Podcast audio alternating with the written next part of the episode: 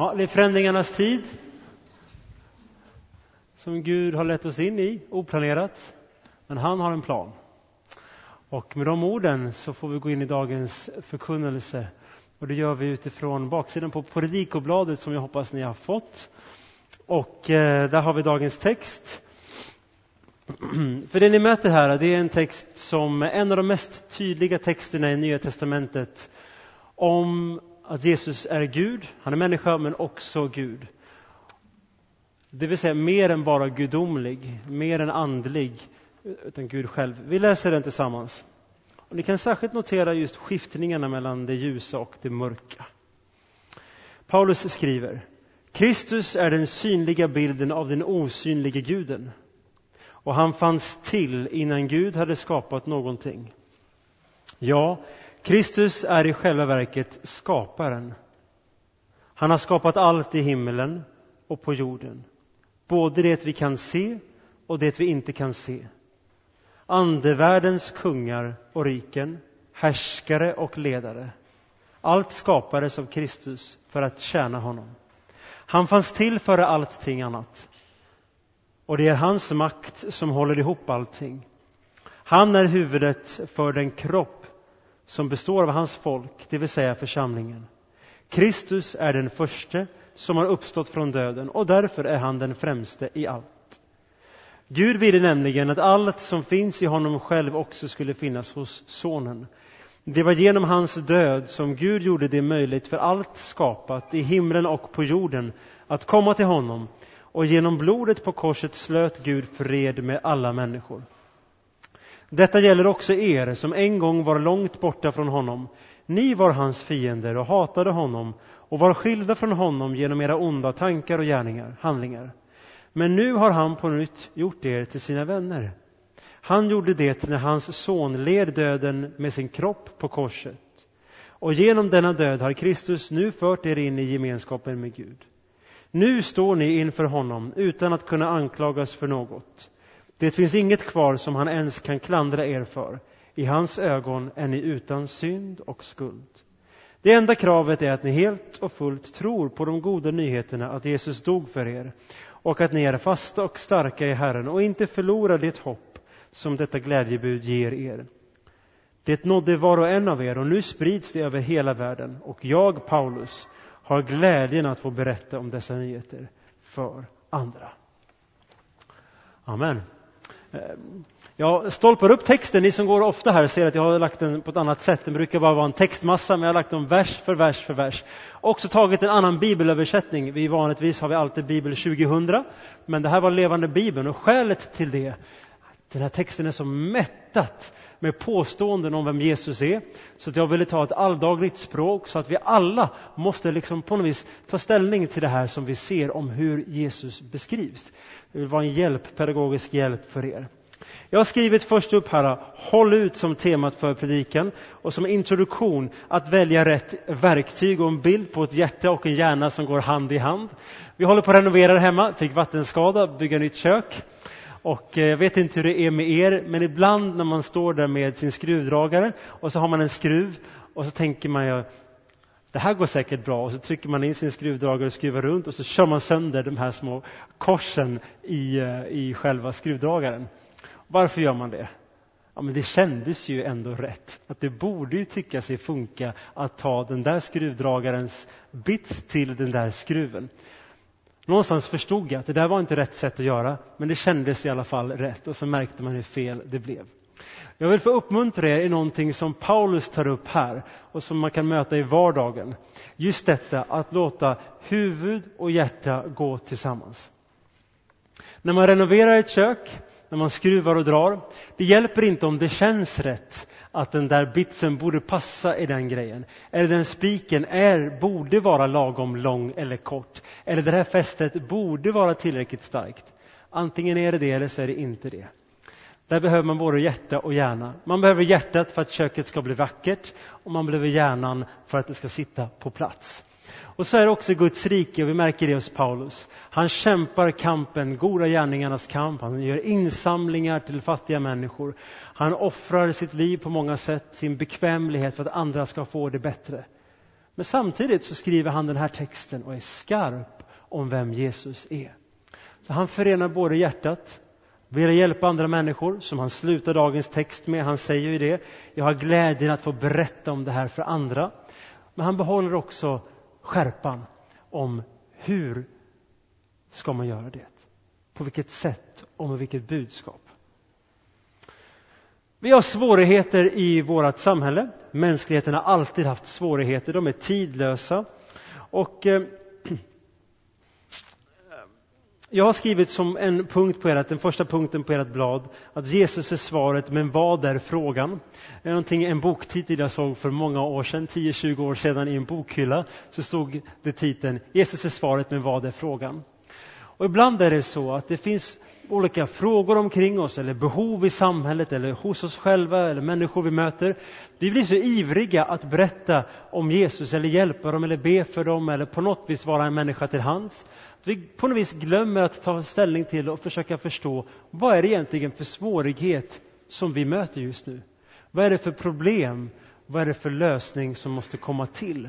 Och då såg jag den här bilden och jag blev så glad för den. Ni ser en, en, en läkare som sitter med en patient och läkaren är glad. Jag får en känsla att patienten också är glad.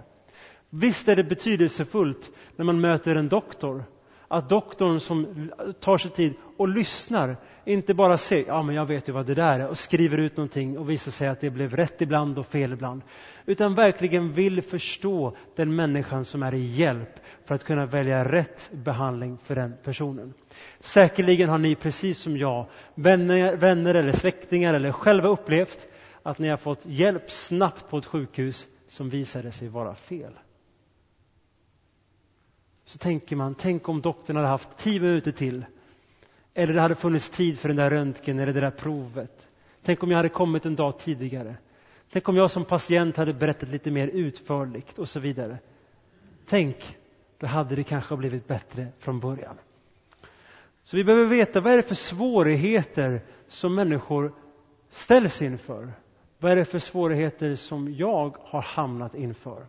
Jag har skrivit några stora klassiska nu på ert papper. Det här är en fråga som finns ofta omkring oss just nu. Blir det bättre framöver i framtiden? En annan fråga man möter är människor som är besvikna eller arga på Gud. Ett annat område som många kämpar med är inre maktlöshet. Tankarna går åt alla möjliga håll, jag kan inte kontrollera dem. Jag får inte vilan i mitt inre. Jag vill agera på ett sätt, men jag gör inte det. Det finns en känsla av inre maktlöshet som verkar växa sig starkare och starkare. Fler och fler rapporter om ångesten som breder ut sig. Många av oss här inne kämpar med det, eller kommer att göra det. Ett annat område där människor känner kamp eller svårighet, det är ondska. Hur ska jag förstå allt detta som sker? Ondskan omkring mig, men ondskan också inom mig själv. Inre anklagande röst, också någonting som är flitigt förekommande svårigheter hos människor omkring oss. Det är underbart att som kristen veta att Bibeln ryggar inte för svårigheter. Tvärtom drar de fram i ljuset mycket, mycket tydligt. Läser man Paulus text där han försöker beskriva Jesus som Gud så gör han samtidigt någonting annat. Jag har lyft ut alla de orden i en lång mening till er som visar att Paulus, när han försöker beskriva Jesu makt, så tar han upp massor med svårigheter som människor ställdes inför då och som ställs inför nu. Att Gud känns osynlig. Vi kan inte se framtiden. Det upplevs långt borta. Onda tankar och handlingar, fiender, hat, skilsmässa eller skilda. Eh, att man känner sig separerad från något, anklagas, synd, skuld, förlorar hopp. Jag har bara klippt ut orden rakt ur de här åtta verserna. Och när jag läser dem och tänker, det där är ju någonting som väldigt många omkring mig och jag själv kontinuerligt kan arbeta med eller kämpa med. Så finns de där just framför våra ögon. Jag vill inte måla framtiden i svart. Här ska ni få höra en, en fin sak.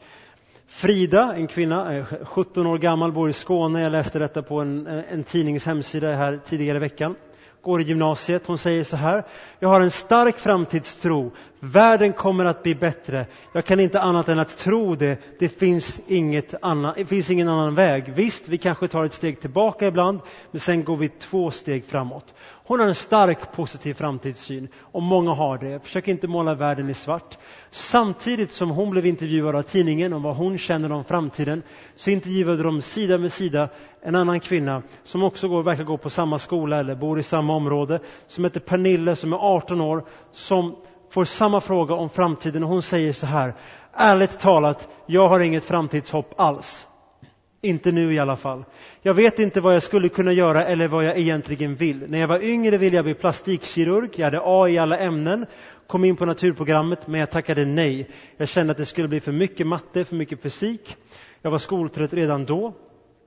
Jag började gå vård och omsorgsprogrammet. Nu går jag i trean. Jag mår inte bra psykiskt. Pressen över betygen, allt annat blev för stor. Det är en ond spiral i mitt liv. När jag var i skolan fick jag ångest. När jag inte är där får jag ångest för det.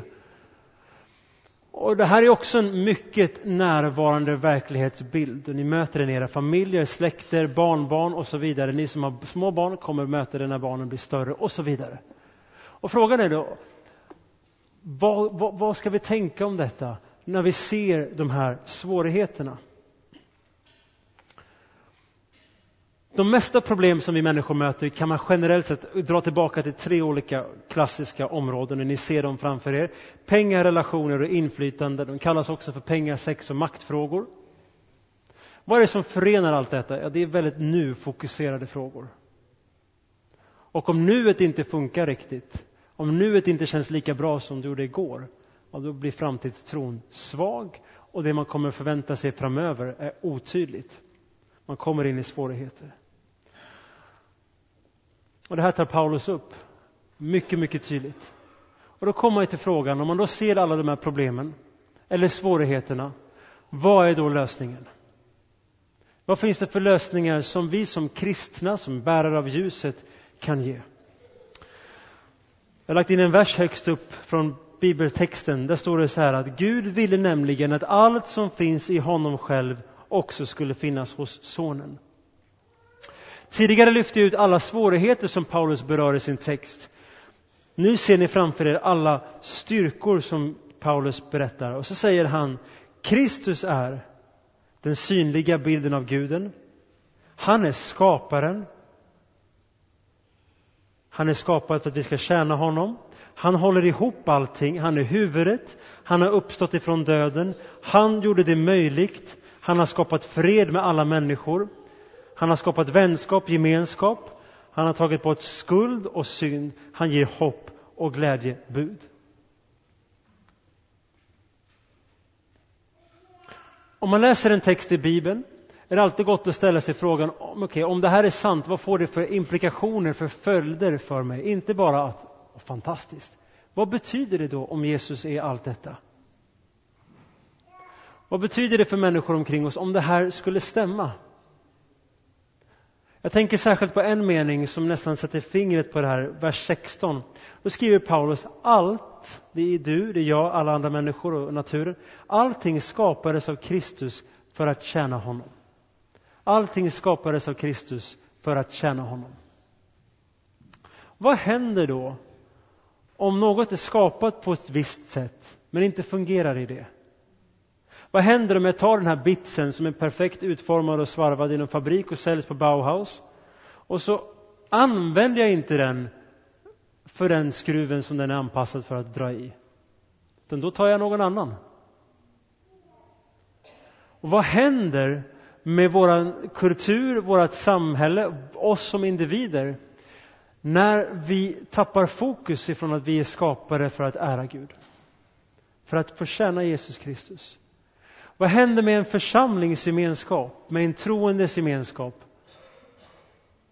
Om fokuset skiljs, eller liksom på något vis inte blir lika skarpt att vi som församling finns här för att tjäna Jesus Kristus. Jag fick höra följande liknelse för många år sedan. Jag tycker den är, har varit en stor hjälp för mig.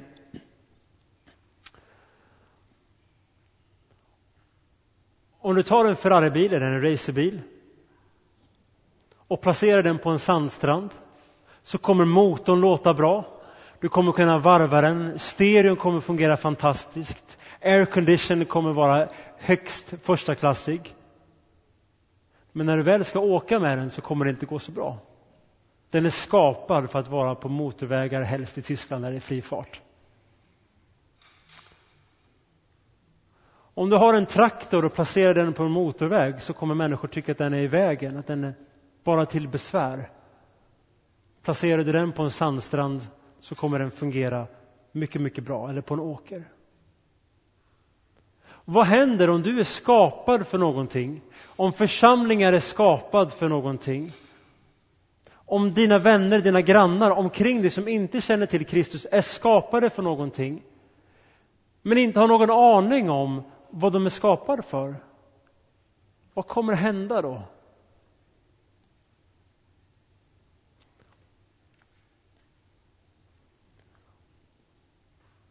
Jag har lagt in en bild på ert blad med en Jesusfigur med många cirklar runt omkring. Jag vill nu väcka en del frågor som ni kan få fundera vidare på. Det finns ett populärt uttryck inom många församlingar, kyrkan, vi använder det också här. Där vi säger att Jesus är i centrum för det vi gör. Och det är mycket bra. Jesus är i fokus, Jesus är i mitten. Vad betyder den bilden i lite utvecklad form? Jag vet inte vad du lägger i det och jag är inte riktigt säker på vad jag själv lägger i den heller. Men grunna på detta.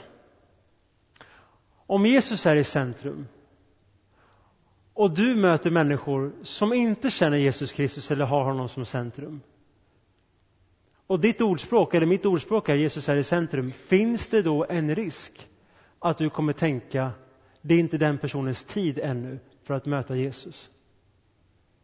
För den är liksom mera ute i, i periferin. Man tänker sig olika cirklar då. Här är Jesus, det är Bull's eye. Så finns det en cirkel. Så finns det ett annat avstånd. Det är det som ligger i att ha ett centrum. Det finns det ju en periferi också. Det finns en till cirkel. Finns, finns det en risk att vi börjar placera oss själva eller andra människor liksom på olika avstånd ifrån Jesus Kristus?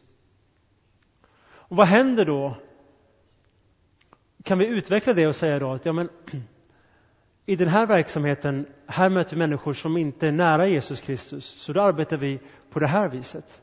De är långt ifrån Jesus, så vi berättar inte så mycket om Jesus. Jag vet inte. Men någonting som jag har fått uppmärksammat för mig själv är att i Bibeln så lyfts Jesus som centrum aldrig fram som en liknelse. Däremot finns det andra liknelser. Det finns att han är, att han är morgon och aftonstjärnan, det vill säga början och slutet, den första och den sista. Det står att han är A och Ö, eller alfa och omega, den första bokstaven och den sista, det börjar och slutar med honom. Och det finns också den här versen som ni ser framför er. Lev då i honom med rot och grund i honom. Så jag har lagt in en till bild där man har lagt in ett kors som en sorts grundsten i ett bygge. Vad får det för betydelse om man tänker att Jesus är grunden i mitt liv snarare än centrum i mitt liv? Centrum, då kan man röra sig på olika håll, men i grunden, då står man alltid på honom. Eller hur? Vilket ger mest vila? Vilket ger mest styrka och kraft? Jag väcker den här frågan för jag undrar, vad är lösningen? Om Guds ord uttrycker att lösningen för människors svårigheter och problem och världens problem, det är att ta emot Jesus Kristus, upptäcka honom, växa i honom och leva av honom. Och en församling, eller du, eller Socialdemokraterna, Moderaterna, politiska partier står inför samhällsutmaningar och de försöker lösa dem genom andra metoder. Hur kommer det att gå? Grunna på det här. Fundera, vad betyder det? Tänker vi rätt? Har vi tänkt rätt? Jag möter många som säger, det är inte tid för den här människan ännu. Så jag säger ingenting om mitt hopp på Jesus Kristus. Det är inte läge för det. Och då tänker jag ibland, hur vet du det? Jag märker gång på gång, jag vet inte det när jag möter människor. vart de befinner sig på skalan så att säga. Och för övrigt, i Guds rike finns det ingen skala. Jag ska ge er en annan bild som kan kanske bredda perspektivet så att ni kommer åt lite vad jag menar här. Så ni inte går härifrån och säger Jonas tycker inte Jesus ska vara i centrum. Föreställ er att jorden symboliserar Jesus och satelliterna som åker runt omkring och månen, det är vi människor. Människor som roterar runt Jesus Kristus. Och då vet vi alla att en del satelliter de roterar närmare, en del roterar längre bort. Vad är det som håller dem nära? Ja, det är dragningskraften till Jesus Kristus. Med det tänkandet, då kommer man in i perspektiv, hur långt bort är jag? Hur långt bort är det hon? Vart befinner sig han på skalan? Och så vidare. Vad händer om man tänker så här? Då? Ja, människorna är satelliterna. Jesus är jorden. Men hela universum är Guds. Då är ingen långt borta ifrån Jesus. Och Jesus är inte långt borta från någon annan. Visst är det befriande? Om Jesus är grunden, då är jag alltid på rätt ställe. Om Jesus är centrum, då finns det en risk att jag tänker, jag har inte kommit dit ännu. Jag har ännu inte nått fram. Det finns en positiv tanke också. Det finns många fina saker med bilden också. Fokus och att jag är på väg naturligtvis. Men vad är resultatet av det här? Alltså Paulus han skriver att nu står ni inför honom utan att kunna anklagas för något. Och de flesta brottas inte med de finns människor som gör det också, men de allra flesta brottas inte med överlever jag imorgon i Sverige rent fysiskt? Men psykologiskt kämpar många med detta. Budskapet man behöver få höra är att det finns ingen anklagelse mot dig. Varför då? Därför du har tagit din tillflykt i Jesus Kristus. Varför behöver Jesus dö? Så att du ska slippa dö. Varför gick Jesus under? För att du ska slippa gå under.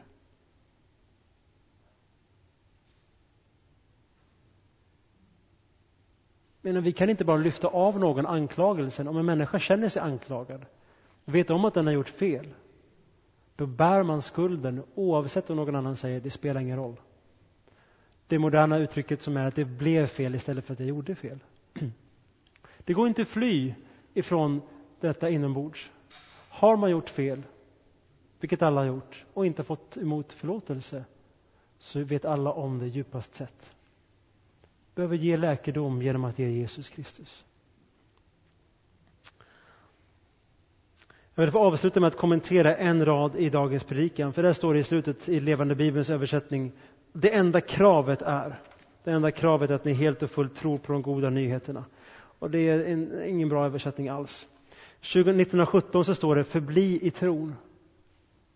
Det betyder att man har kommit hem. Och när det skakar och när du känner dig anklagad, när det är svårt och när det är problem och när det är tungt, när du har besvikelse på Gud eller när du undrar om det kommer bli bättre framöver, du känner dig maktlös.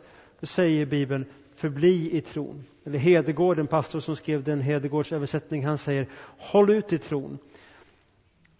Fortsätt i tron, står det i amerikanska översättningen.